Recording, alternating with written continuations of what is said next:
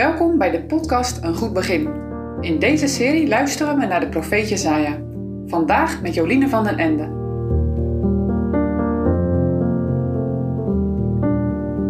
Deze week staan we stil bij de gelijkenis van Jezaja. De gelijkenis gaat over een liefdeslied en gaat over verwachtingen. Vandaag lezen we over een van de stinkende vruchten, dwaasheid. We doen dat door eerst te lezen uit Jesaja 5, vers 18 tot 23.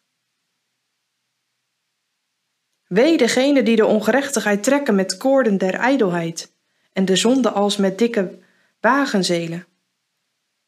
Die daar zeggen dat hij haaste, dat hij zijn werk bespoedige, opdat wij het zien. En laat naderen en komen de raadslag des heiligen van Israël, dat wij het vernemen.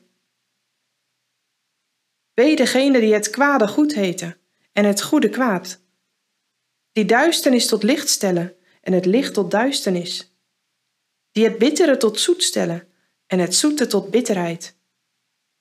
Wee degene die in hun ogen wijs en bij zichzelf verstandig zijn. Wee degene die helden zijn om wijn te drinken en die kloeke mannen zijn om sterke drank te mengen. Die de goddeloze rechtvaardigen om een geschenk en de gerechtigheid der rechtvaardigen van dezelfde afwenden.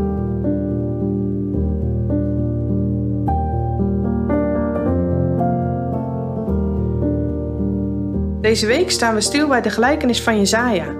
De gelijkenis gaat over een liefdeslied en gaat over verwachtingen. Deze gelijkenis is bedoeld voor de inwoners van Jeruzalem en de mannen van Juda. Maar de gelijkenis gaat ook over jou en mij. Misschien heb jij eigenlijk nauwelijks verwachtingen. Er zijn zoveel dingen in de wereld om ons heen die hopeloos zijn. En misschien heb jij zeker wel bepaalde verwachtingen voor de toekomst, dingen waar je naar uitkijkt, naar verlangt. Echter, in deze gelijkenis gaat het niet over onze verwachtingen, maar over Gods verwachting. En die verwachtingen zijn hoog gespannen. Hij werkt er zelf aan mee zodat alle randvoorwaarden op orde zijn en er niets in de weg ligt om zijn verwachtingen uit te laten komen. En toch we hebben gehoord dat er ondanks alles toch stinkende vruchten zijn gekomen. Een van die vruchten is dwaasheid. Wat wordt bedoeld met dwaasheid? In de tekst worden de volgende dingen genoemd: oneerlijkheid van mensen die het kwaad opzoeken, die de zonde goedkeuren, die vooral zichzelf goed vinden en die onschuldige schuldig verklaren en schuldige onschuldig verklaren. De mensen zijn vol van bedrog hebzucht en egoïsme. Je zou kunnen zeggen: God heeft de tien geboden gegeven als tien leefregels. En als je je nu, niet aan die leefregels houdt, doe je dwaas. Ben je dwaas. Maar het ergste is dat wij nooit meer aan Gods verwachtingen kunnen voldoen. Hij heeft er alles aan gedaan zodat je nu al en ook voor eeuwig gelukkig kunt zijn, maar wij zijn dwaas. Letten wij wel op de verwachtingen van God? Of geven we vooral stinkende vruchten? We lezen in de tekst dat het heel slecht afloopt met de dwazen.